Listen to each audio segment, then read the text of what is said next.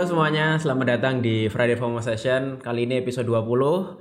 Eh, kita sudah bersama Raihan Dwi Ananda. Halo. Ini take kedua karena yang pertama tadi gagal ya. Jadi harus ngulang itu rasanya gimana gitu ya.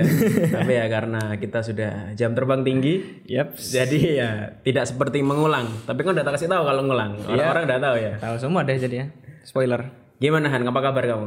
Baik, baik. Masnya gimana? Baik. Alhamdulillah baik. Ini eh kamu dari Gresik ini berarti ya? Iya, dari Gresik. Kita kan ceritanya WFH nih. Ah, ah. Tapi kan untuk kesempatan ini kan kamu menyempatkan diri Iya. jauh-jauh. Iya dong, pastinya. Gimana dari sana kamu banyak kena ini nggak penutupan kan ini kan masih ini kan ditutup kan? Iya, masih ditutup. Ya di Gresik kan ada jalannya ke tol ditutup. Jadi aku harus muter jauh tuh buat ke Surabaya. Tapi setelah di Surabayanya nggak banyak kok ditutupnya. ah, nggak banyak. Ah, Rame juga main. panas ya. Tambah panas ya kan tambah tambah lama berarti ke sininya. Iya, benar. Panas berarti. Tapi untuk take podcast kali ini gila dibela-belain ya. Jadi eh kamu sibuk apa nih hari ini? Ya kerja, ya juga kebanyakan nih karena WFH ya. Jadinya santai-santai aja sih. Abis kerja, santai-santai. Kalau nggak ada kerjaan yang lainnya juga, kalau nggak ya juga main game. Kebanyakan gitu sih. Kalau Tapi gara-gara WFH ini ini ya apa dan ppkm itu yang kemarin itu itu kayak semua kebiasaan kita tuh jadi berubah benar, benar, ya kan? benar jadi sih. yang biasanya dikerjakan di luar itu kita kerjakan di rumah di, rumah keluar juga kayak secukupnya gitu kan Iya benar banget. dan katanya kan yang kemarin kan juga katanya ada kalau kita makan dine in kan dibatasin waktu 20 20 menit ya Iya tuh banyak meme-nya tuh. Jadi kan menit ya? mesen itu 10 menit, makan 10 menit. Kalau emang kelebihan jadinya nambah atau gimana nggak tahu. Kemarin tuh ada memesnya jadi kayak apa di barak gitu kan, Hmm. di barak gitu. Terus habis itu eh, ada orang ngomong kayak, ayo waktu tinggal dua menit yang ngomong Kim Jong Un ambil dilus pundaknya orangnya kan anjing. itu 20 sih benar. Itu 20 menit itu sebenarnya hitungannya dari kita dapat pesenannya atau dari kita masuk duduk sih? Nah itu juga kurang tahu tuh. Kalau masuk duduk kalau memang lama masaknya sia-sia dong. Iya. ya nggak tahu juga. kalau misalnya kayak di eh, kayak misalnya kita kalau di Surabaya itu di mana ya yang antri banyak itu ya? Misalnya di Misetan, Ah. ya kan? Iya iya. Baru pesen setannya udah keluar. Belum jadi makan. iya. Lagian kalau misalnya dibatasin tuh emang ada yang ngawasin ya? Ada timernya apa gimana sih? Iya itu harusnya ada timernya tuh ya. Biar ngawasin Anjir kayak master chef aja. berlebihan tuh. Kalau jadi kalau misalnya ya, makan 20 menit ya. Terus kalau misalnya makan 20 menit nggak sempet minum terus keselak gimana? terus di jalan terus ternyata pingsan gimana coba? Ini Kayak Master Chef jadi inget tuh. Tinggal 2 menit, udah selesai angkat tangan angkat tangan. Nah, ini udah selesai makan angkat tangan. Iya. Itu bisa tuh dipakai buat orang-orang yang misalnya akhir bulan gitu ya. Bingung kan mau bayar dipasin, dipasin 19 menit tuh masih makan, 20 menit langsung kabur. Iya bener tuh. Jadi nggak bayar tuh. Tapi iya sih kan kayak karena situasi sekarang Mm-mm.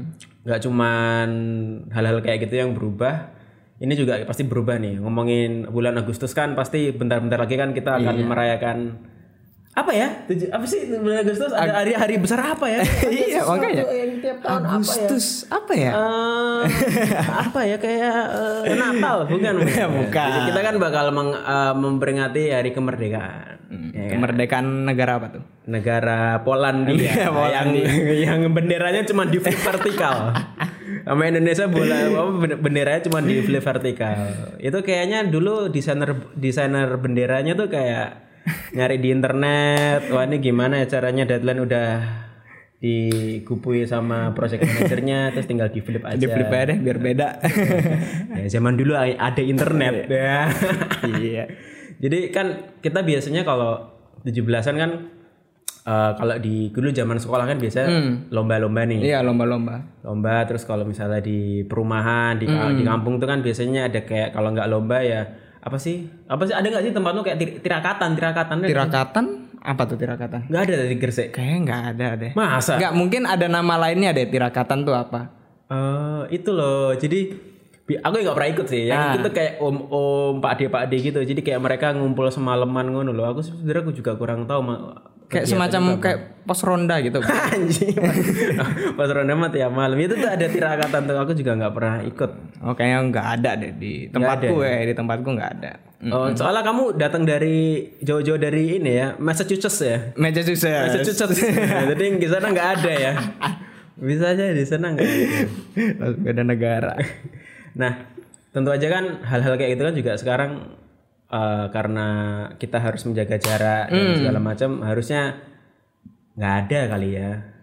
Eh emang tahun lalu ada nggak? Tahun lalu kan ppkm tuh.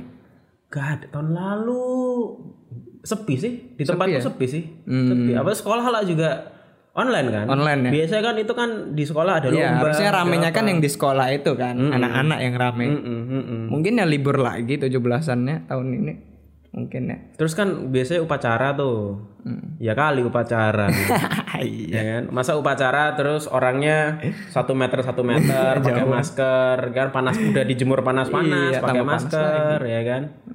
Kalau kamu dulu biasanya eh, zaman dulu kalau misalnya 17 Agustus itu apa yang kamu lakukan apakah kamu ikut lomba atau misalnya Kalau dulu ya dulu kayak masih SMA atau SMP, mungkin kalau SMA kan lomba-lomba di sekolah ya, SMA gitu. ikut ikut Ya. apa bolos Enggak sih, pasti ikut sih. Soalnya kan memang rame-rame seru-seruan kan kayak tarik tambang dan lain-lain gitu. Tapi kalau masih kecil sih lombanya kan di kampung gitu kan. Lomba-lombanya. Asik sih, ada hadiahnya. Kalau sampean gimana? Ada ikut-ikut lomba gitu nggak? Atau lu- atau bolos malahan? enggak enggak di sekolah aku. Di sekolah di sekolah. Sekolah kan? Di sekolah. Ikut juga. dulu. Tapi itu cuman sampai SM, SMP. Kayak SMA SMA aku oh enggak SMA tuh enggak ada lomba SMA tuh ben-benan dulu aku. Oh, di sekolah. Kayak semacam kayak pensi gitu kah? Atau- Mm-mm, pensi tapi pensi yang intern gitu. Mm. dulu lomba tuh terakhir ya SMP menurutmu lomba 17-an paling yang kamu sukai apa Kalau aku ya, jujur tuh aku suka tarik tambang sih. Meskipun aku kurus gini ya, nggak ada nggak ada effort. Tarik tambang kan banyak orang sih Iya makanya tuh itu seru aja sih menurutku tarik tambang. Ya lumayan. tarik tambang yang di ujung sana yang narik bulldozer Iya benar. Dar. anak- anak-anak SMP. Kalau sampean gimana? Yang paling suka apa? apa ya kayaknya tuh itu loh Eh, kamu tau gak sih lomba memasukkan pensil dalam botol Oh yang yang ditaliin oh yang taliin di belakang itu ya? Hmm, tuh tuh.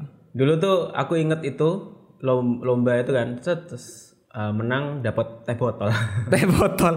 Lumayan lah, lumayan lah. Dapatnya dapat teh botol gitu doang sama eh, ini eh, apa lomba lomba apa sih yang kelereng di kelereng terus Yang sendok itu kan? Ah, sendoknya ditaruh di mulut Oh, terus digigit. kita Hmm, lari gitu loh. Lomba lomba lo- balap kelereng. Balap kelereng ya itu juga Balap kelereng.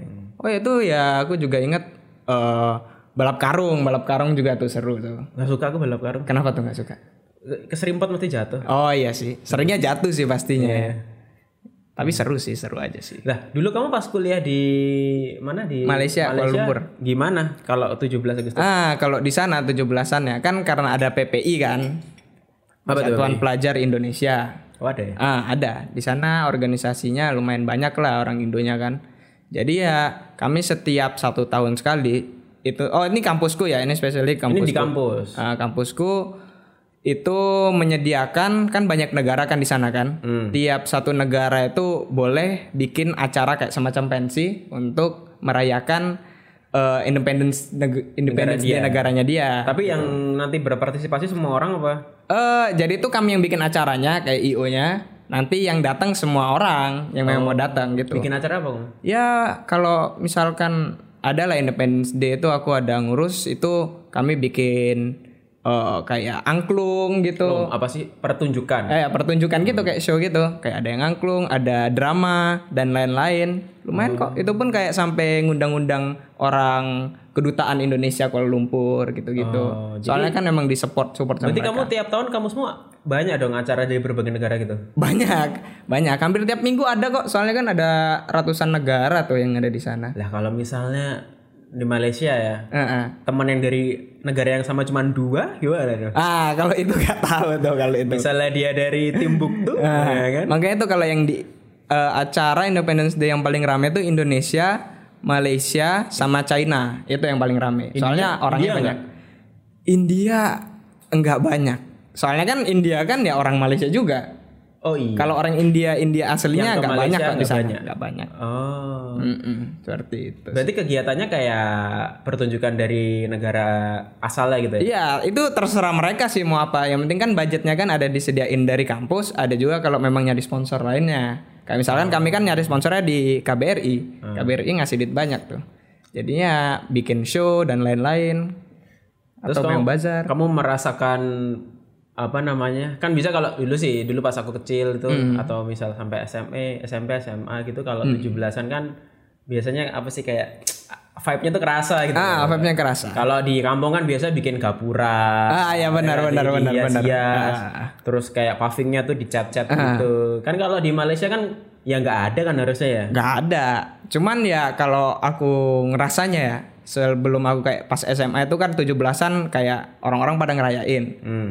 Kalau kami di eh pas di Malaysia itu, aku malah ngerasanya tambah kerasa lagi. Soalnya kan itu Tambah kan di kerasa neg- lagi? Ah, soalnya itu kan di negara orang. Kita ngerayain independensinya kita itu Indonesia itu di negara orang. Ah. Soalnya kan kalau di luar negeri kayak misalkan Malaysia, kita kan ngibarin bendera itu kan nggak boleh.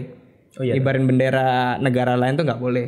Jadinya Oh. kami tuh pada saat itu hari itu juga bikin upacara. Misalkan acaranya itu kan Upacara bendera. Iya upacara. Oh iya. Ah, ah, itu dibolehin bikin upacara pada hari itu. Oh. Soalnya dispesialin. Tapi kita nggak ngibarin, jadi kayak megang gini aja gitu loh. Oh itu boleh. Ah, Kalau megang aja boleh. Tapi itu kerasa banget soalnya kan kayak itu kan di negara orang. Orang-orang pada ngeliat tuh upacara kita gimana nyanyi Indonesia Raya dan lain-lain. Itu kerasa sih sana. Anggotanya ada upacara tuh anggotanya ada. Maksudnya banyak gitu. Kalau kampusku itu ada hampir lima eh 300 orang paling orang. banyak Indo. banget. Iya banyak, banyak di sana. Emang banyak. Oh. Di kampusku banyak orang Indonya memang. Oh iya ya, Malaysia deket ya. Iya, gitu. Oh, terus biasanya selain bikin acara gitu ngapain aja? Biasanya kan apa enggak ini ada bazar-bazar makanan? Oh pasti pasti ada kayak kami jualan batik dan lain-lain Oh, iya gitu. Mm. Oh. Ada kok di sana. Seru juga kok. Itu disupport sama KBRI ya? Iya itu disupport sama KBRI pastinya.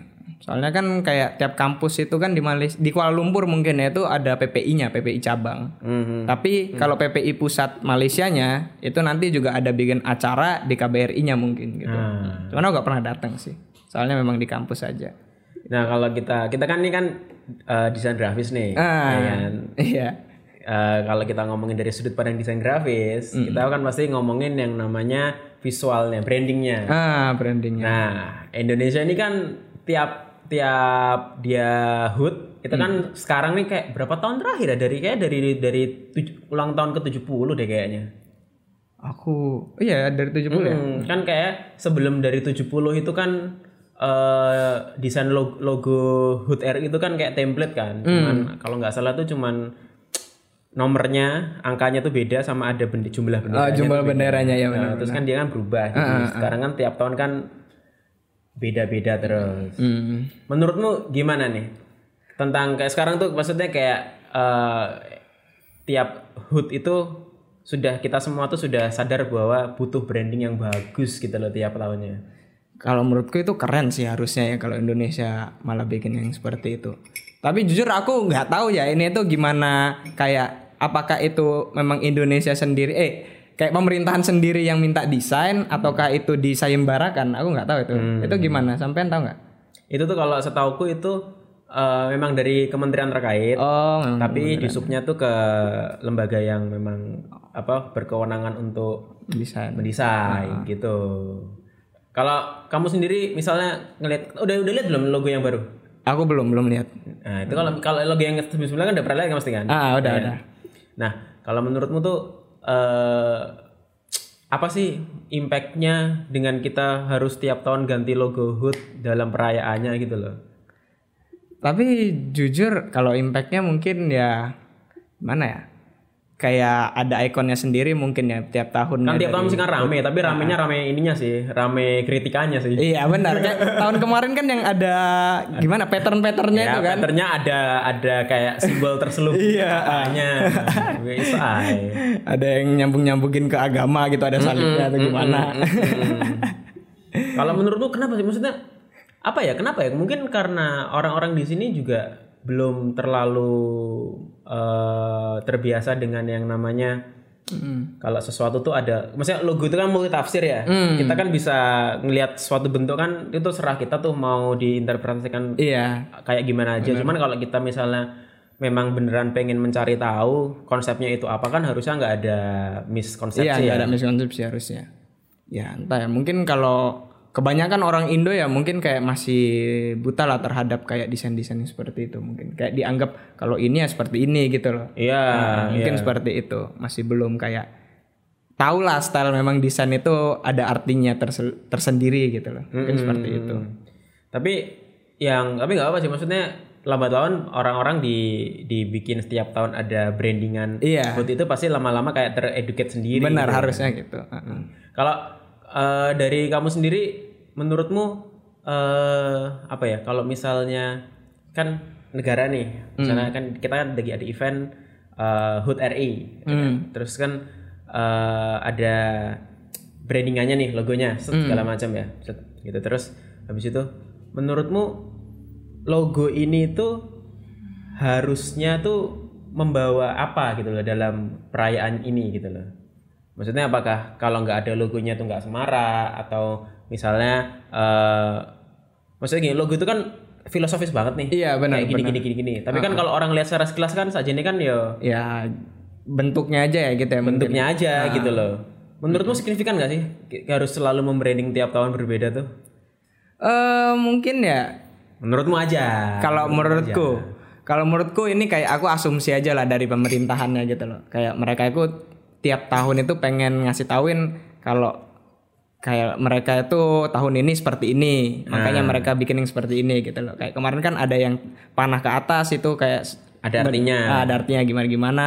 Mungkin kayak tiap tahunnya mereka ada arti yang berbeda gitu loh. Jadi ya mereka bikin sesuatu logo yang seperti itu. Atau memang kayak mereka pengen lebih dari yang sebelumnya jadinya terus-terusan gitu loh. Oh, jadi kayak punya keter- keberlanjutan gitu. Ah, ah, ah, ah. Kalau di Malaysia gitu juga nggak sih? Di Malaysia enggak kok. Di Malaysia enggak. Malaysia itu kayak ya Indonesia dulu itu ya mereka naruh bendera-bendera dan lain-lain. Sam- biasa aja ya. Eh kalau biasa aja juga enggak sih, meriah sih meriah.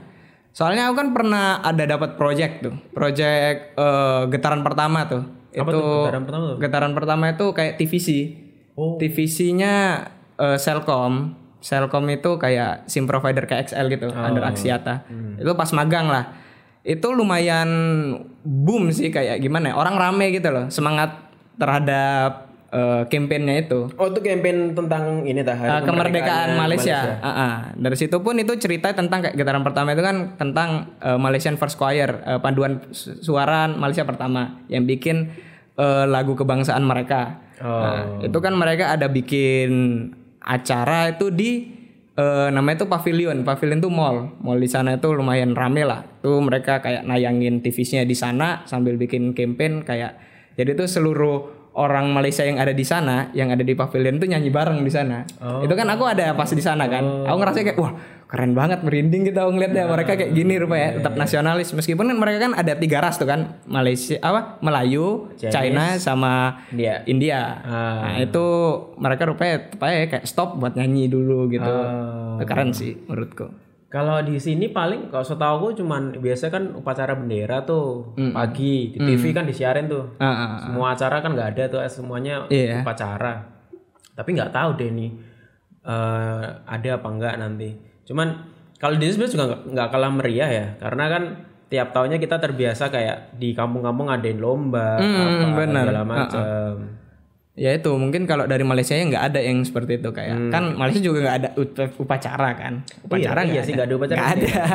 Oh. ya seperti itu. Mungkin mereka ngerayainnya dengan cara oh ya bendera-bendera gitu. Mungkin seperti itu Hmm. sih. Atau memang makan bareng sama keluarga. Aku juga kurang tahu ya. Yang kulihat fisikannya seperti itu aja. Kalau ngomongin upacara ya, kamu dulu SMA ada upacara nggak sih? ada ada Ada ya, masih ada, ya? Sekarang tuh orang tuh masih upacara nggak sih setiap Senin? Wah itu nggak tahu ya. A- aku pas SMA itu eh, cuman pas saat 17-an atau memang ada acara besar baru upacara, nggak tiap Senin lagi. Oh, SMP? Sama juga. Oh. Iya, SD mungkin masih tiap Senin. Ah, Dulu kan setiap aku tuh sampai SMA, SMA tuh masih setiap Senin. masih tiap Senin ya. Setiap Senin. Tapi itu negeri ya? Swasta. Oh, swasta. Oh, aku juga swasta. Aku dulu swasta, tiap Senin upacara.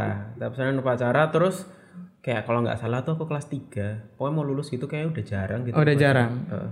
Kayak memang start dari situ deh. Aku dari SMP kok. SMP udah nggak ada tiap Senin lagi. Apalagi sekarang. Iya. Orang sekolahnya ngadep layar mau upacara Upacara di depan laptop. upacara online.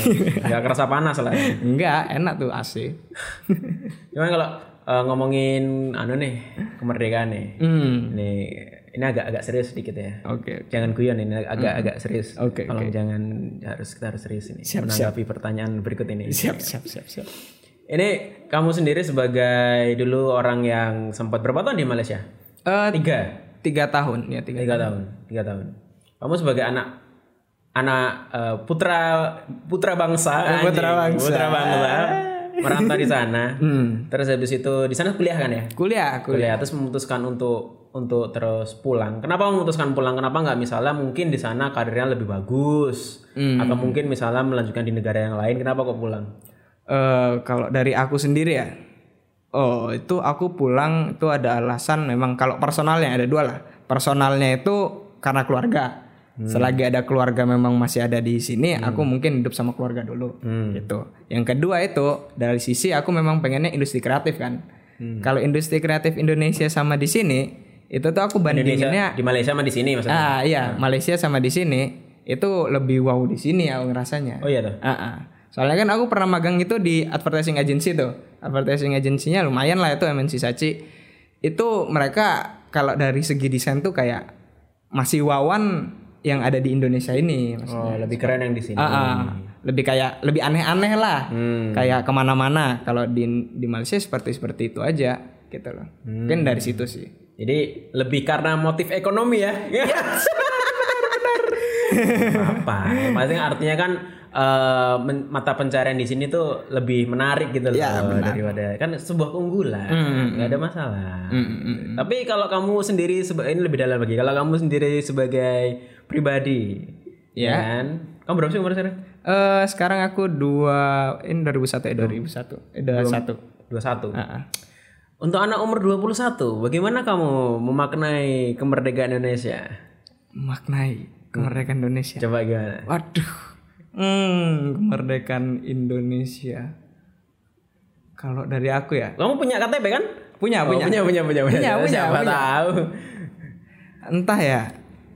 Eh, untuk aku ya anak 2001 eh 2001 umur 21 tahun. IKTP kan? IKTP. Tapi masih suka difotokopi ya IKTP-nya. Iya. Sering. Eh gimana? Entah gimana? kenapa kok gitu. Eh kalau dari aku sih kayak jujur aku ngerasa biasa aja sih tiap kayak memang 17-an gitu ya. Kecuali pada saat yang aku di Malaysia itu aku ngerasa lebih wow lah pengen ngebangga-bangga Indonesia. Tapi selama di sini aku kayak ngerasa itu B aja gitu. Apalagi kamu pas pindah ke sini tuh udah corona belum sih? Udah, udah. Nah, itu soalnya, Bro. Kayak kurang festifnya lah, feel festive Iya. vibe-nya itu kurang ada gitu loh. Di sini masa corona kalau festive habis Iya. itu Aku malahan kayak ngerasa kalau pas di Malaysia ya, itu kan setiap kemerdekaan Malaysia tuh aku juga ikut meriahkan gitu loh. Entah kenapa soalnya kan festifnya kerasa lah. Hmm. Tapi harusnya kalau memang di Indonesia ini festifnya lebih kerasa, harusnya aku ikut meriahkan juga. Iya, ya, tapi emang sih kalau itu aku akuin kayak gua dua tahun terakhir ini memang kayak lewat aja sih. Karena memang mungkin uh, situasinya kayak gini ya. Hmm. Gitu. Oh, jadi kayak memang mungkin uh, harusnya tuh mungkin dibikin acara-acara yang bisa memfasilitasi kita pas WFH kali ya. Iya mungkin. Atau juga memang nargetinnya lebih ke anak muda juga gitu. Kayaknya harganya lebih karena muda. Ah, ah. Soalnya kan memang tuh kayak misalkan acara lomba-lomba gitu terus saja kan ya harusnya ngilang aja gitu loh. Iya. Ah, tambah pudar maksudnya. Apalagi kayak kalau misalnya anak yang baru anak sekolah, anak anak anak baru, misalnya anak yang tahun kemarin 2020 baru masuk SMP apa SMA, dia udah dua tahun nggak ngapa-ngapain. Iya. Kayaknya. Iya. Dua tahun nggak ketemu temennya, dua tahun kalau ada acara nggak ngapa-ngapain. Kasihan tuh. Iya makanya. Tapi ya kalau kita ngomongin eh, apa HUT RI, emang sih kayak tiap tahun tuh mena- kalau aku sih menariknya adalah ya itu tadi dilihat dari segi eh, visual desainnya itu kan Hmm. agak berbeda-beda kadang tuh aku kayak nunggu-nunggu wah kalau tahun ini bentuknya kayak apa ya Oh, terus kayak ini tuh artinya filosofinya apa ya itu tuh kayak tak sari ngono. Oh, berarti sampean memang menunggu yang itu yang logo tiap tahunnya itu. ya? Ah, kadang juga karena ini tiap tahun setahun sekali pasti pergunjingan di Twitter tuh banyak tentang logo logo, logo Indonesia yang baru tuh pasti ada. Nih tahun ini nih lagi tak tunggu nih apa nih yang kira-kira bisa dipergunjingkan. gitu. Hmm, seperti itu ya. Jadi eh kamu 2001 ya? Apanya? Apa sih lahirmu 2001 toh? Oh enggak 2000. Oh 2000. 2000. 2000. Iya sih, sih, 2000 ya. 2000. Jadi aku ngikutin tahunnya 2001. Oh, umurku udah satu. Oh, iya. nah, kamu berarti masuk kuliah tahun berapa? Ah, 2017. Iya, 2017. 2017. Ah, kalau misalnya kalau eh, iya sih sebenarnya aku juga aku masuk itu kuliah 2010 kan. Oh, 2010. 2010, 2010. Menurutmu eh ya kamu nggak ngalamin cuman kalau aku tuh merasanya kalau kita ngomongin eh, profesi sebagai graphic designer itu ya dari zaman kuliah gitu misalnya kan lagi belajar gitu. Hmm. Kalau zamanku dulu itu kan kayak internet nggak kayak sekarang nih Hmm. ya kan? Eh, kayak kalau dulu tuh kalau aku misalnya mau nyari referensi atau apa itu ada susah ya. Maksudnya dulu tuh ada namanya DeviantArt kamu tau DeviantArt nggak Pernah tahu, pernah tahu. nggak pernah nggak pernah punya akun Nggak pernah punya aku. nah aku aku dulu pernah tuh punya akun di situ tuh ya sekarang isinya anim anim ngono Oh, animean. ya dulu keren itu kayak aku dulu masih menjamani kayak sering ke Gramedia Oke, Gramedia. itu cuman mau ke section apa sih buku impor itu loh Oh. Buku impor yang isinya porto-porto itu loh, isinya grafik desain grafik desain itu loh. Oh. Kamu tidak mengalami? Ada ya kayak gitu Ada, ya? Ada. ada. Dulu aku sering nongkrong di situ kan kalau di Gramet kan boleh baca di situ. Boleh baca di situ. Asal nggak sambil lesehan. Kalau Hmm. sambil lesehan sama satpamnya suruh berdiri. Nah, dulu aku sering digituin. tuh. Nah, sekarang udah nggak ada. Aku kemarin terakhir tuh sebelum ini mall pada tutup kemarin itu section itu udah nggak ada, udah buku-buku impor tuh udah nggak ada karena kan ya hari gini siapa yang mau beli buku mahal-mahal ya kan. Nah, kalau sekarang kan reference kan gampang nih. Banyak lah. Reference ya banyak terus habis itu kayak kalau di Instagram tutorial kan yo akeh ya. Iya, benar. Iya kan? Ah, ah, ah. Kalau kamu sendiri sebagai istilahnya desainer yang hidup di dunia setelah internet booming, ya kan? Ya, benar. Menurutmu eh apa sih ke, ke kemudahan mengakses semua informasi ini menurutmu mempermudah atau malah membuat kamu tambah overwhelm atau tambah susah?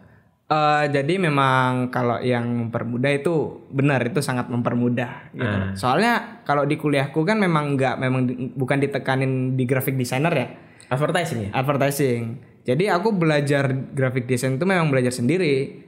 Itu tuh guru itu YouTube yang orangnya tuh orang India. Oh iya. ya seperti itu. Jadi tuh memang belajar hampir semua itu dari YouTube. Dan juga kalau memang overwhelm kayak mungkin overwhelmnya tuh gimana ya? Ngelihat orang itu rupanya bisa lebih cepat daripada aku gitu loh belajarnya. Belajarnya. Ah, ah. mungkin kayak uh udah langsung lebih jago aja daripada aku atau gimana gimana. Mungkin dari situ. Ya itu mungkin balik lagi dari diri sendiri ya kayak memang kitanya memang mau lebih atau gimana gitu. Tapi kalau untuk memang dibandingin sama sampean tadi ya buku dan lain-lainnya, aku belum pernah ada kayak belajar graphic design tuh lewat buku belum ada. Ngelihat nyari portofolio lewat buku nggak ada. Masa, apa sih dulu, dulu kamu apa? TA ya? Apa skripsi? Eh, apanya? Final projectnya? Final projectnya, jadi final projectnya tuh aku ada skripsi, mini tesis namanya, mini tesis. Jadi Kan lebih referensi dikit. buku sih? Enggak. Eh, jadi tesis itu side, side, side eh, apa ya? Tugas akhir yang satu lagi. Jadi ada empat tugas akhirku. Oh, iya. Tiga itu proyek sama klien, satu laginya tuh mini tesis itu. Jadi seperti Enggak itu. pameran di kampus? Ada pameran, ada pameran. Pamerannya tuh nunjukin ini yang, kamu kerja sama iya, klien. Yang sama klien itu. Yang seperti itu sih.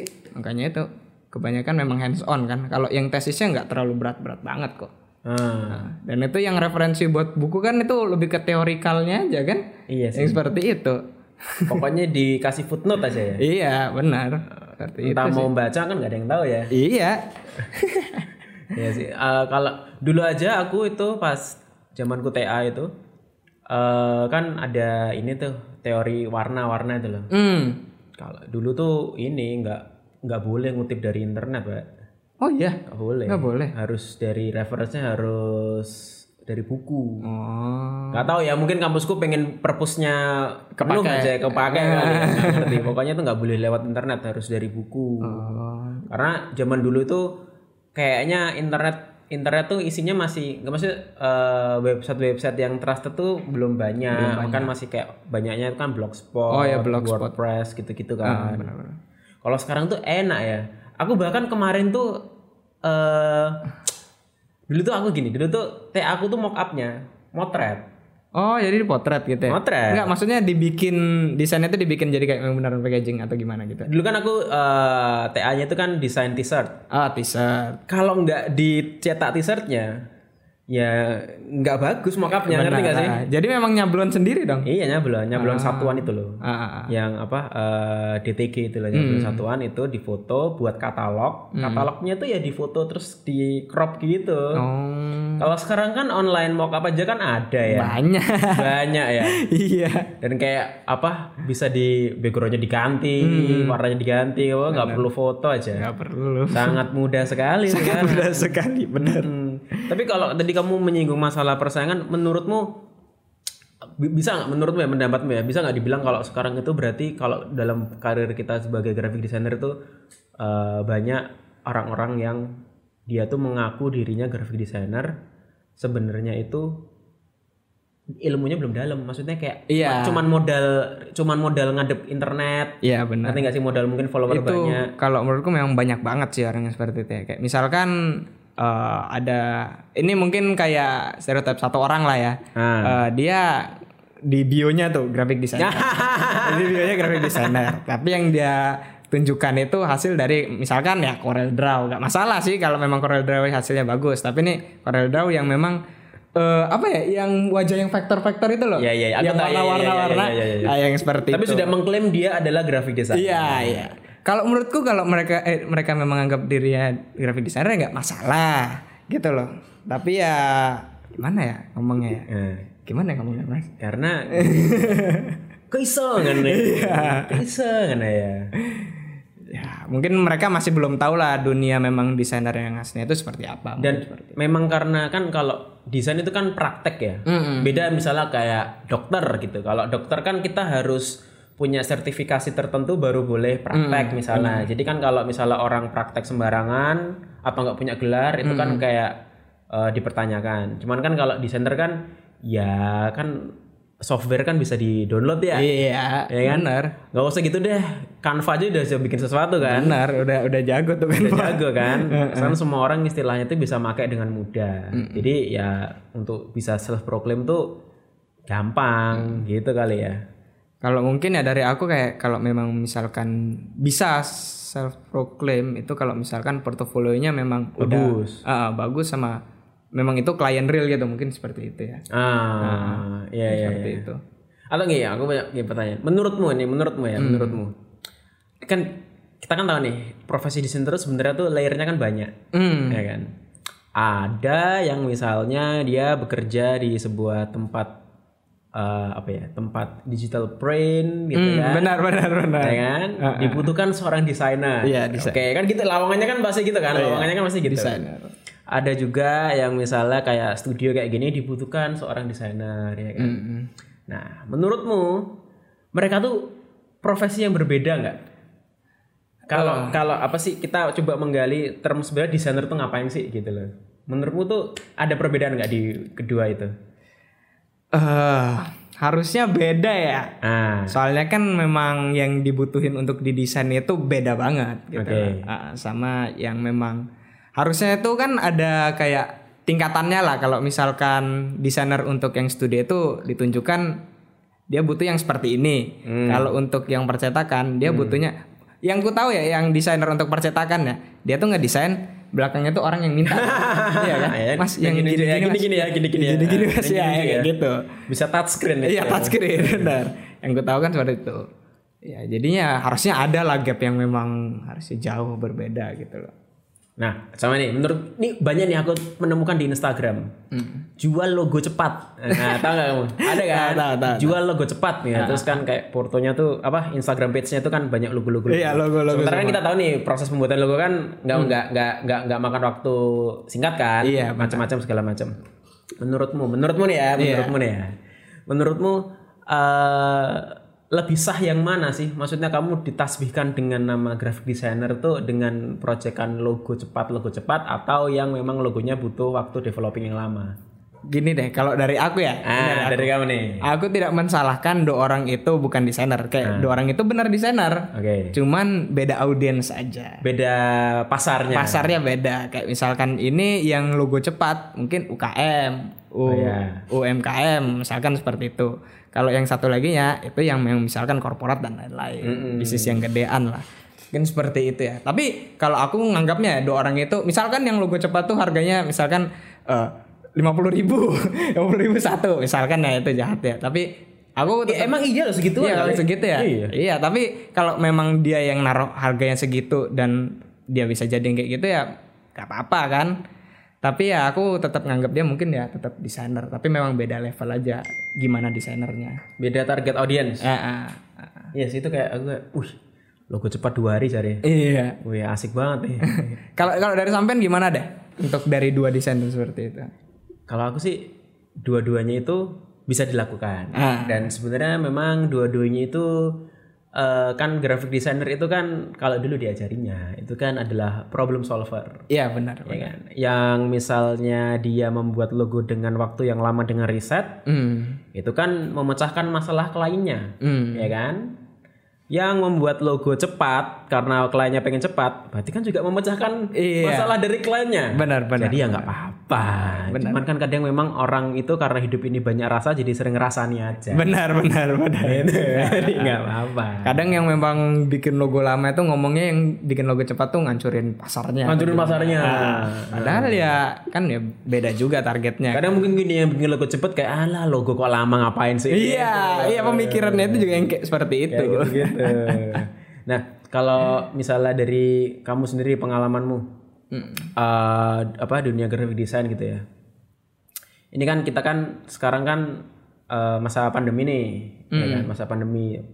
Terus habis itu tentu aja kan kalau misalnya nggak ada freelance lah, masalah freelance, freelance, freelance. Itu kan pasti kan juga eh boh ya kalau aku nggak tahu di kamu, cuman kan ngaruh nggak sih di freelance ini- eh apa masa pandemi ini di di klien freelance tuh apakah menurun atau gimana Kalau dari aku enggak sih, Mas. enggak ya biasa aja ya Biasa aja, normal-normal aja. Kadang memang malahan nambah. Kayak misalkan ada kan eh, klienku itu eh, online lah, online shop semacam gitu, yang memang fokus marketnya tuh di online. Mereka malah nambah eh, omsetnya itu soalnya gara-gara ppkm ini.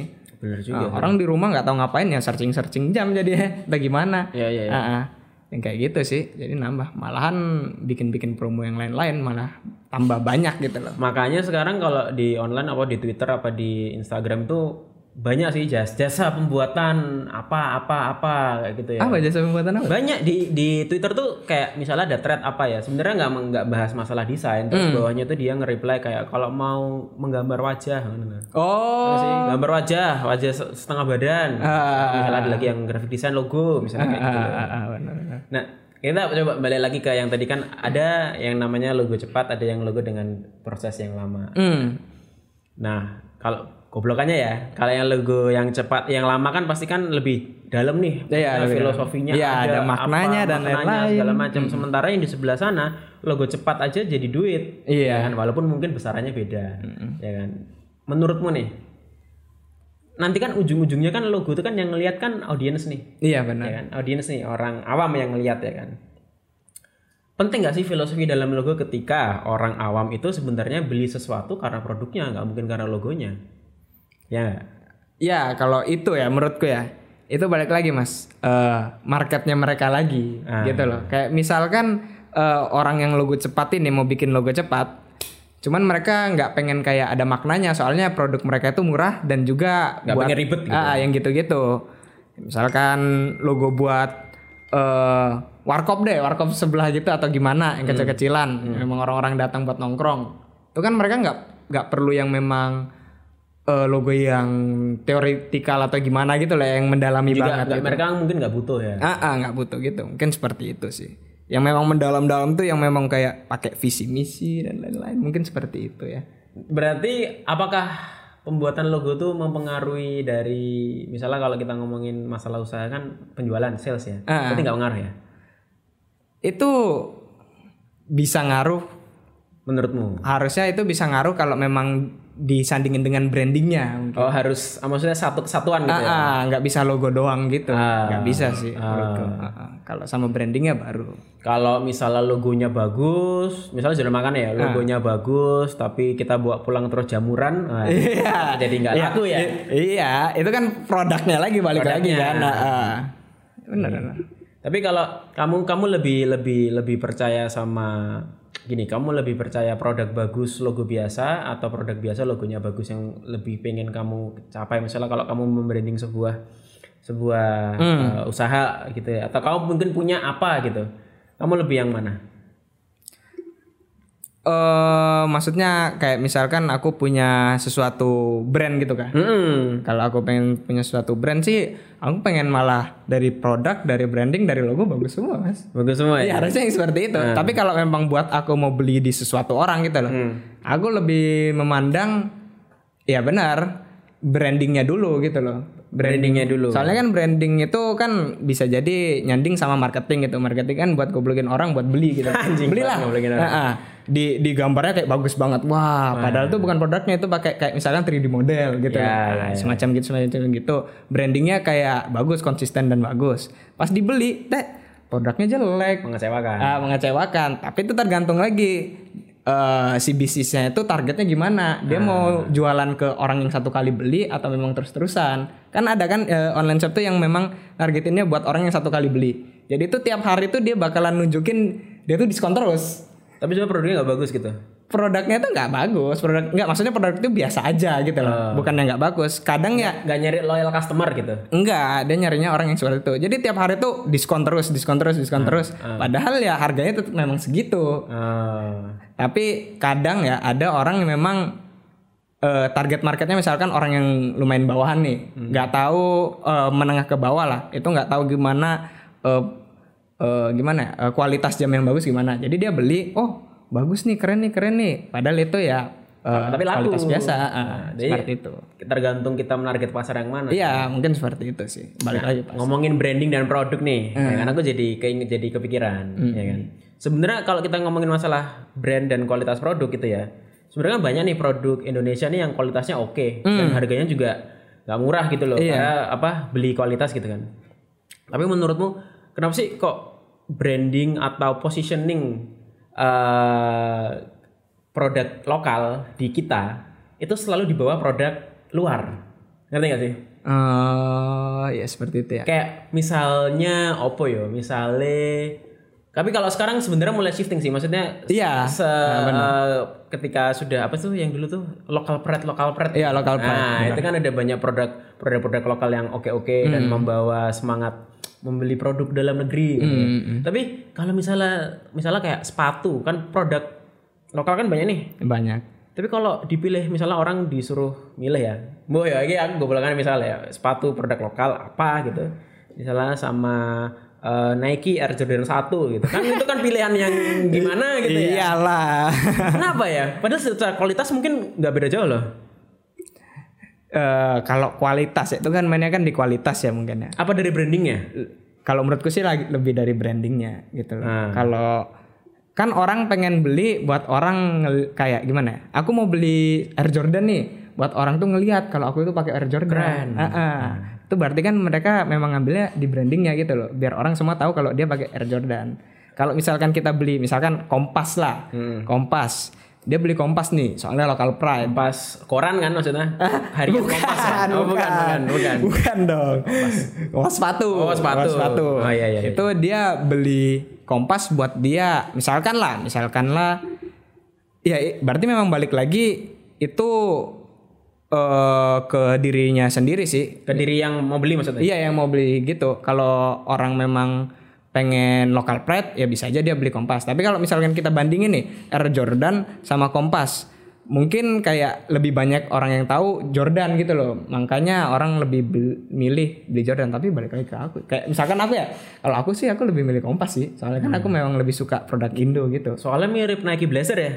iya balik lagi nyandinginnya sama brand luar ini niru ini gitu. Maksud- kenapa mesti kayak gitu ya? Mesti maksudnya kalau kita dari dalam negeri bikin sesuatu, langsung eh, refleks pertamanya tuh oh ini mirip ini gitu mesti ya. Iya. Semuanya loh. Kayak dulu Ventela itu ini mirip Vans tapi itu mirip Vans kan. itu memang mirip banget Heeh. Iya sih mirip, sih mirip. Tapi semua itu gitu loh pasti. Kayak misalnya kalau zaman dulu itu ada tuh DP di Jogja sih. Clothingan di Strongun loh. Jadi eh, dia tuh eh, desainnya monster-monster loh. oh monster monster Kamu zamannya nggak sih? Apa, aku zaman nih kok itu di monster-monster? Strur. itu aku ada beli Famos Friki Famos Iya, iya. monster-monster itu loh, monster-monster yang apa sih? Yang berlendir-lendir itu tau gak sih? Dieri itu ada tahu nggak Dieri Tahu, tahu Bandung, Iya, Bandung. itu, ini ini ada yang di Jogja tuh dia desainnya tuh uh, monster-monster gitu yang yang berlendir-lendir gitu. oke oke Tapi yang lucu-lucu. Jadi kayak kayak kayak Happy Tree Friends ngono loh. oh ya tahu tahu tahu tahu tahu. Style ya. Ah, ah. Pas keluar dibandingin sama Drop Dead ya, Oh. gitu-gitu loh. Kenapa harus selalu brand luar yang jadi acuan gitu loh. Iya itu dari dulu emang seperti itu ya. Mm-mm. Bahkan ada kayak brand-brand yang misalnya kayak gede di luar dulu, Hmm. baru nanti jualannya di sini sama orang sini dikiranya itu brand dari luar, dari padahal luar. yang bikin orang sini. Iya benar. Kenapa? Kenapa kita kalau misalnya te- tetap selalu punya tempat lebih tinggi kalau membeli sesuatu yang dari luar gitu loh? Mungkin udah go internasional atau gimana kita dianggapnya atau gimana? Berarti yang namanya, tapi kamu setuju nggak kalau dari segi kualitas barangnya ya, Ah. materialnya gitu, itu tuh nggak beda jauh. Gak beda jauh sih. Aku aku setuju aja sih. Setuju aja. Berarti yang dijual itu brandingannya ya?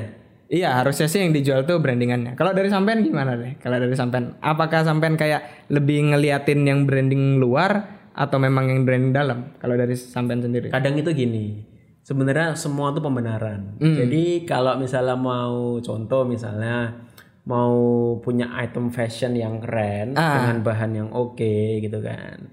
Tapi kalau mau nyasar brand luar duitnya nggak cukup, ya kita brand dalam aja.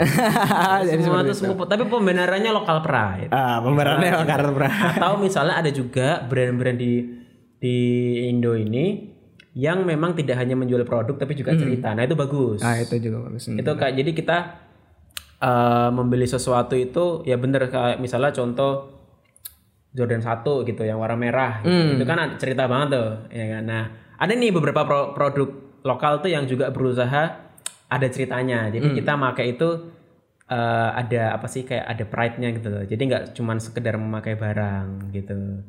Cuman kalau misalnya aku mau balik lagi ke belakang, mungkin kenapa ya kalau orang sini tuh selalu merasa brand luar eh, keren. Bahkan brand luar lah banyak tembakannya sih, banyak KW-KW-nya. kan. Banyak, banyak banget kan.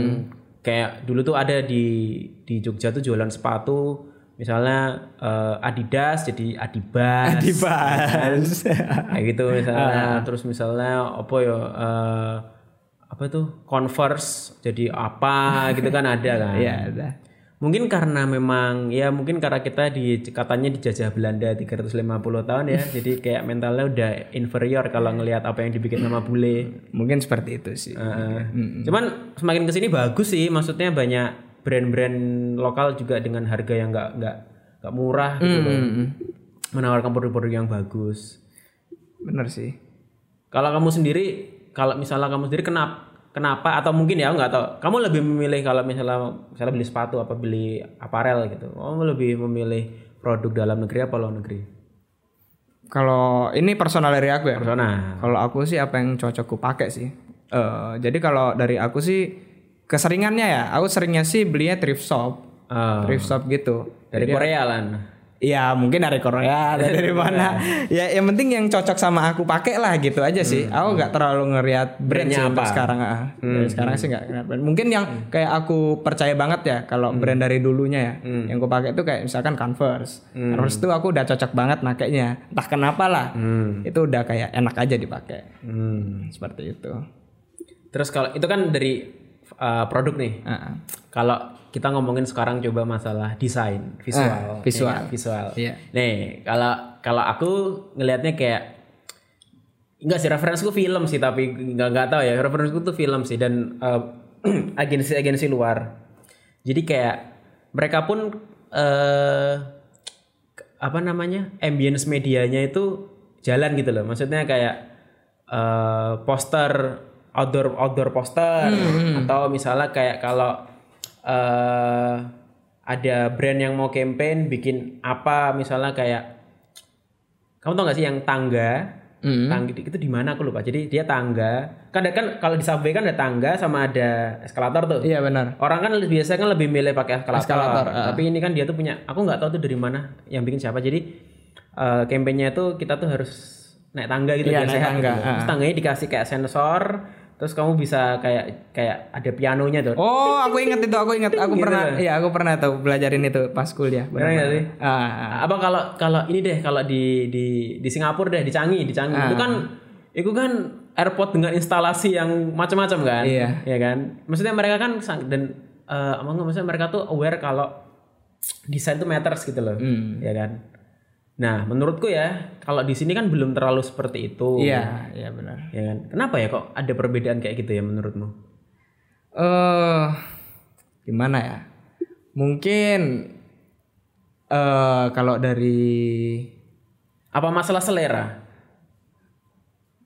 selera, aku juga tahu ya gimana cara eh, Ngukurnya ya? ngukurnya gimana gitu. Soalnya eh memang pikirannya yang di sana itu udah sampai sana gitu loh. Kayak udah aneh-aneh yang sampai segitunya. jadi kita tuh ketinggalan secara pikiran Eh, kalau kalau ketinggalan sih pasti ya. Kalau aku ngerasa sih kalau udah ketinggalan iya. Soalnya aku ngerasanya saya eh, segi kreativitas yang Indonesia ini eh, barusan aja kayak wownya gitu loh. Misalkan eh, semacam desain kayak yang gojek-gojek gini. ya startup-startup gitu udah keren-keren Ah, ya. itu tapi kan- itu baru ya Nah itu baru aja kayak munculnya gitu loh. Kalau Masalah yang kayak dari luar itu udah aneh-aneh dari dulunya gitu. Hmm. Tapi kalau misalkan dari sampean gimana tuh? Kayak kenapa kok orang luar itu udah sampai pikiran seperti itu dan Indonesia tuh kayak masih belum kayak Ya karena ketika orang luar udah bisa bikin kapal menjelajah dunia, kita masih nulis di daun lontar. iya benar. Nah, jadi memang ada ketinggalan. Jadi memang telat ya. memang ketinggalan. Jadi memang ketinggalan orang kan kalau maraton ngejar dari belakang kan nggak bisa langsung ke depan. Benar. Karena giliran. Itu kalau memang keajaiban aja tuh lari. Ya cuma kayak aku sih ngerasa kayak banyak di klien-klien sih kayak eh maksudnya kan banyak tuh klien yang kalau secara secara sekilas kayak wah banget gitu kan. Wah maksudnya eh, orang kaya gitu kan. Punya ini punya itu. Tapi ketika disodorkan sama reference desain yang ya yang menurut kita bagus ya. Misalnya kita bahkan acuannya dari luar dari luar misalnya menurut kita bagus gitu nggak suka gitu-gitu loh. Minta terus minta direvisi revisi revisi jadinya ya jadi biasa aja. Jadi biasa aja. gitu loh Mungkin itu orangnya yang kayak kliennya itu ngelihat sekitar juga. ya Kayak pengaruh sekitar ya Iya kayak nggak ada eh, bisnis lain tuh yang melakukan seperti ini. Takutnya riskan atau gimana mungkin ya. jadi mungkin juga ada masalah kurang berani ya Iya. kurang berani mencoba ya Kurang berani, kurang kurang mau menjadi beda gitu. kadang itu gini Han misalnya kayak eh, klien gitu ya Mm-mm. Eh, referensinya tuh bagus Mm. dan kita misalnya suka nih sama referensi oh ini oke tapi kalau usahanya dia sendiri menggunakan pendekatan yang seperti itu dia tuh takut Ah. karena nggak biasa gitu Iya. kan. tapi kalau ngelihat sesuatu yang udah established pakai pakai hal yang aneh-aneh gitu Dia mau jadinya. keren tapi kalau untuk melakukan sendiri kayak takut kan loh Iya. kenapa ya kita kenapa em, katanya kan kita nih katanya kan kita bangsa yang anu ya yang berbeda banyak perbedaan Iya, banyak perbedaan. Benar. otomatis kalau banyak perbedaan saya kan terlatih untuk berpikir berbeda karena setiap orang kan dari latar belakang yang beda ya Iya. tapi kenapa dalam masalah kalau yang kita ngomongin tadi kok orang takut mencoba untuk menjadi beda ya kenapa menurutmu coba eh jadi kayak kita orang berbeda-beda. ah ah. Nah, orang itu, berbeda Kenapa kok kita tidak menjadi beda itu kan maksudnya? kenapa kalau kita eh, lagi melakukan sesuatu misalnya dalam dalam konteks ini misalnya ada Ah. klien atau misalnya kita ngelihat kamu sering kan maksudnya ngelihat kafe di mana gitu kayak anjing jelek banget cok gitu kan ah. pasti kan Pasti. Maksudnya kan udah reference kan udah banyak nih, tapi mereka tuh kok nggak mau gitu loh. Kok takut gitu loh. Aku untuk melakukannya. Kadang ya. takut untuk melakukannya gitu. Kalau dari aku ya mungkin kayak mereka memang eh em, takut untuk men-start sesuatu yang beda gitu loh. Ah, Eh, takut untuk kayak menjadi beda karena balik lagi takutnya orang pada nggak suka atau memang riskan kepada Penolakan. Jadi eh, eh, mungkin kayak banyak banyak konsekuensinya atau gimana. Jadi mereka takut. Mungkin sih seperti itu ya. Aku aku jadinya nggak tahu juga sih gimana. Kalau menurut sampean gimana nih? kalau menurutku tuh gini, eh orang itu misalnya gini, misalnya apa ya? eh, orang lihat nih di di luar nih reference di luar, gitu ya. oh keren gini gini gini gitu kan. A- atau misalnya kebanyakan gini ngelihat brand yang lebih established melakukan itu ya kan aku dulu soalnya pernah gini aku cerita pengalaman ya Oke oke bang. Ya, cerita pengalaman jadi eh aku agak muter-muter nih ngomongnya Ah, apa apa apa. jadi dulu aku pernah desain sesuatu, desain sesuatu, terus eh, karena dari briefnya tak terjemahkan nih kayaknya bisa nih di dibikin kayak aku punya reference kan, reference dari Behance gitu loh, reference kayak gini gitu. Pokoknya eh, menurutku keren gitu kan. Tapi emang nggak banyak dipakai Nah, ketika itu nggak banyak dipakai. Nah aku bikin tuh, tet tet, bikin kan, set set gitu, bikin. Terus pas itu eh sama kliennya ditolak. Katanya ya biasalah, ini kan layout gitu ya. Hmm. Ini kok eh, terlalu kecil fontnya atau ini banyak ruang kosong gitu gitulah, biasalah ya kan. Ah. Kan nanti kalau misalnya orang lihat nggak langsung nggak langsung tahu apa produknya, kok nggak ada fotonya, misalnya gitu ya kan. Oh bener juga. Oh jadi aku berpikir kayak oh mungkin memang orang ini referensinya beda, kebutuhannya beda, nggak suka nih selera kayak gini. Oke, tak ikutin set.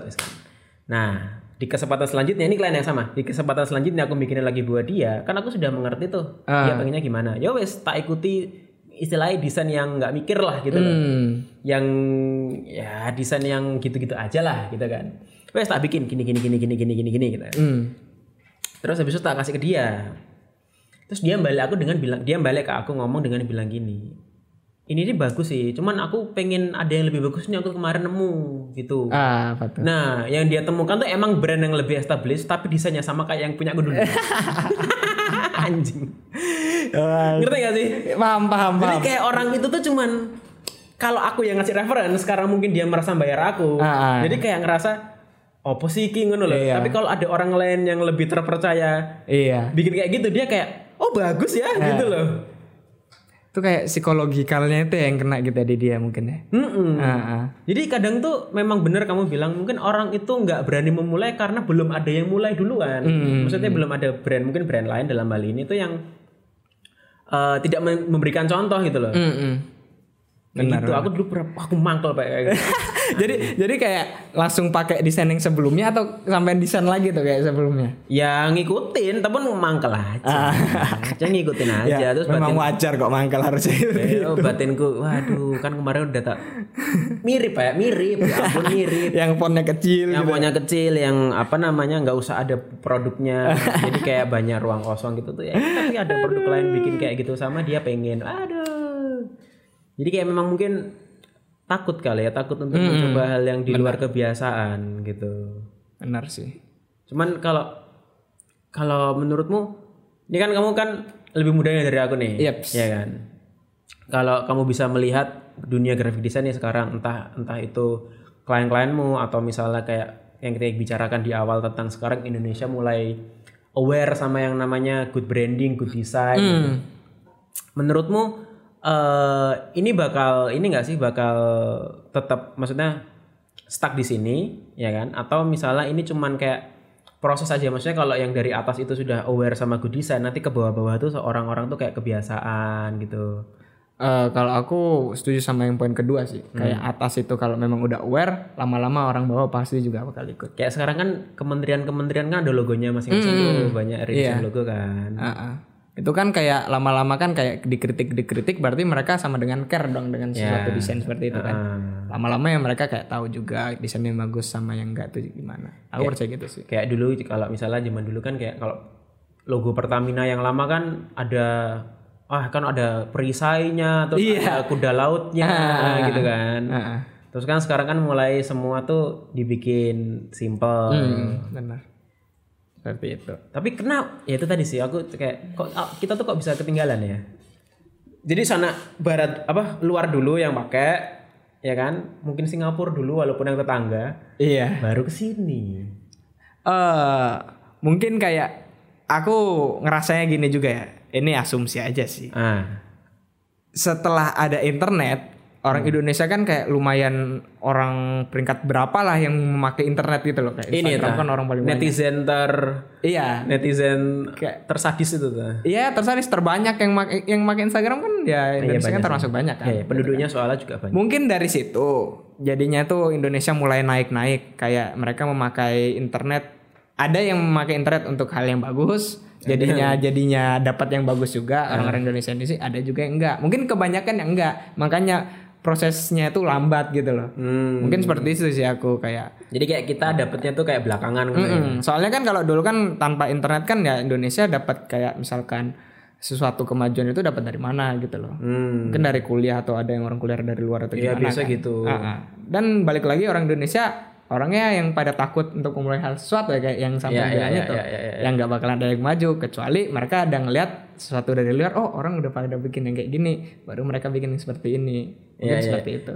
Kalau masalah tren nggak usah dari luar deh. Misalnya kayak menurutku ya eh musik terus habis itu kayak reference kayak film atau segala macam. Itu datangnya tuh selalu di Indonesia dari kalau dari dari Jakarta dulu. Iya benar benar. Kalau misalnya kalau aku dulu di Jogja itu juga dari kalangan-kalangan yang eh, sempit dulu nanti baru luas luas luas luas sampai akhirnya di warkop-warkop itu nyetelin kawan apa eh, payung teduh misalnya. Payung teduh ya benar benar benar. Lu kan payung teduh kan gak banyak yang tahu. Gak zaman dulu. banyak itu, gak banyak. Hmm, sekarang kan semuanya tahu Semuanya kan. tahu udah kayak band biasa. Lagu wajib di pernikahan juga kan.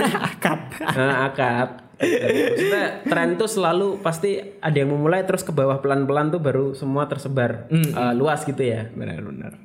Kalau menurutmu eh kenapa kita maksudnya apa namanya sebagai orang Indonesia ini eh selalu melihat kayak oh kalau ini dalam orang-orang kita sendiri ya Ah. orang kita sendiri ada ada kayak diferensiasi kayak oh kamu lebih keren kamu enggak ngerti gak sih kamu Iya ngerti iya gak sih iya iya ngerti ngerti. Padahal sebenarnya kan nanti kan tren kan juga dari atas ke bawah dan kayak orang-orang itu kayak punya, wih aku lebih dari kamu karena aku tahu sesuatu lebih dulu. Ngerti, Ah. ngerti gak sih? Paham, paham, paham. Ya, itu maksudnya gimana tuh yang akhirnya tuh kayak misalkan eh jadi tuh ada orang yang memang kayak misalkan dia lebih tahu dulu dia akhirnya lebih keren gitu. Ah, ah, dianggap lebih keren. Nah, ya kalau dari aku sih nggak juga ya kalau aku sendiri ya. Kalau aku sendiri kalau aku tahu sendiri kalau aku punya tahu sesuatu lah. Misalkan ini hal kecil deh eh, di band kan band luar kan aku tahu sesuatu nih kan ada yang namanya kan gatekeeping kan gatekeeping kan kalau itu dia tahu sesuatu band dia bakal nahan buat dirinya sendiri Sampai disebar-sebar. Ah, ah. soalnya dia itu dia sendiri yang tahu gitu loh Biar gimana. biar kerasa keren gitu. Ah, ah. Jadi lagu-lagunya yang beda-beda atau gimana gitu kan. Keren ya kalau lagunya beda-beda keren. ya. Kalau dari aku, kalau dari aku ya, kalau aku tahu sesuatu aku bakalan nyetel kayak misalkan di mobil bareng teman-teman, aku bakal nyetel itu. Ini band bagus nih, band bagus nih, gimana gimana. Kalau aku sih gitu ya orangnya. Atau kalau nggak gini banyak tuh yang kayak misalnya ada apa terkenal terus ada pasti ada ada sebuah pasti ada aja orang yang bilang kayak ah kamu baru tahu sekarang. Aku udah tahu dari dulu." iya iya. Ya nggak sih? Iya iya iya. Ada tuh yang kayak gitu tuh. Ah, sering banget tuh orang-orang kayak Ah, gitu. baru tahu sekarang. Aku udah tahu dari dulu. Ya telat-telat gimana. Salah, salah gitu. Kalau enggak misalnya tren apa, misalnya misalnya tren apa naik sepeda, selalu tuh pasti ada atau tren apa pun ya. Ah, Aku udah mulai duluan. ah. udah mulai dari tahun lalu. gimana? Padahal, kenapa sih harus kayak gitu ya? Ya aku juga gak tahu ya. Tapi itu Merasa eksklusif loh. Iya, tapi itu memang banyak sih yang kayak gitu, Mas. Tapi nggak tahu kenapa kok kayak gitu. Iya. Sampai ada nggak kayak asumsi kayak kenapa kok seperti itu orang-orang?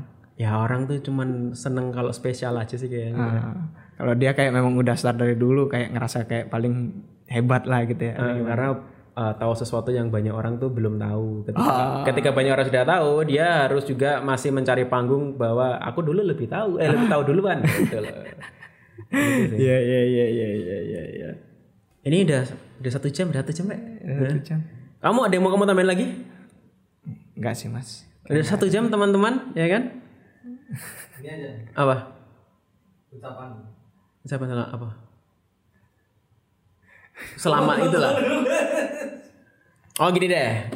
Aku tahu. Coba. Ini kita terakhir nih ya, terakhir ya. Final statement ya. Statement ya.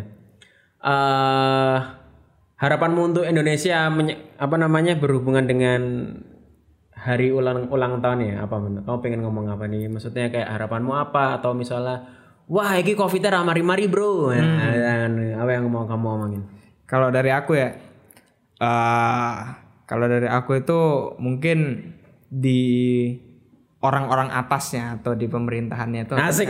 Ini kritik pemerintah nih. Iya, kritik pemerintah nih harus lebih bagus lagi lah, kayak yang lebih, sekarang lebih ya? terpercaya. Eh kalau sekarang kayaknya nggak bisa ngomong enggak deh. Ah. Jadi harusnya yang nggak intinya ter- terpercaya sama orang-orang aja gitu loh. Sepertinya yang penting seperti itu sih. Kalau menurut tuh ya, eh kayaknya tuh orang-orang orang-orang yang kayak menteri atau segala macam yang main sosmed itu tuh kayaknya butuh nge-hire ini deh konsultan komunikasi politik deh. Soalnya tuh kadang tweetnya tuh yang cen Iya. memancing, Iya benar benar benar. memancing amarah. Gitu loh. Kayak bisa bikin asumsi orang-orang aneh-aneh gitu loh jadinya. Mendingan gak usah punya sosmed apa gimana? Iya gitu loh, biar gak usah ikut lagi bully sama orang-orang. benar benar. Kan seperti itu. Soalnya ya aku ngerasanya kayak pada saat aku tinggal di Malaysia gitu, Oh ya gimana? Itu kayak tenang banget rasanya. Soalnya memang dulunya ya, itu kan sekarang kan lagi ancur-ancurnya kan Malaysia kan. Soalnya perdana menterinya ganti. Kalau dulu pas saat Mahathir Mahathir Muhammad. Ah, ah, itu kayak enak banget rasanya gitu loh. Orang-orang pada lancar gimana gimana. Pas pada saat covid juga itu kan ganti perdana menteri kan. Awal-awal tuh perdana menteri ini juga bagus, jadi enak gitu loh. Nah, tapi setiap kayak kali ngelihat tweet kayak pemerintahan Indo, oke langsung wah Eh kalau di sana nggak gitu ya? di sana tuh oh ya ancur juga. Maksudnya kalau memang misalkan ada kesalahan ya mereka juga marah gitu loh. Tapi pada saat aku di sana belum ada kesalahan yang memang banget Maksudnya banget gitu loh. nggak sekeos di sini orang kritik pemerintah gitu ya? Ah, ah. Oh. Jadi kayak enak-enak aja gitu loh. Gak gak terlalu mikirin kayak kan kan soalnya kalau aku tinggal di sana ya, kalau misalkan eh, Malaysia ada masalah ekonomi turun kan. Oh iya. Ah, otomatis kursnya juga jadinya hancur atau gimana-gimana gitu loh. Oh. Ya juga ngaruh di duitku gitu loh. Eh, di sanguku. Ya seperti itu sih apalagi di Indo kalau memang Indonesia ekonomi lagi hancur, wah kurs lagi naik lagi deh atau gimana. nggak bisa beli Apple barang Apple mahal. nah, sih. Ya, seperti itu. Ya mungkin seperti itu. Ah, oke. Hmm.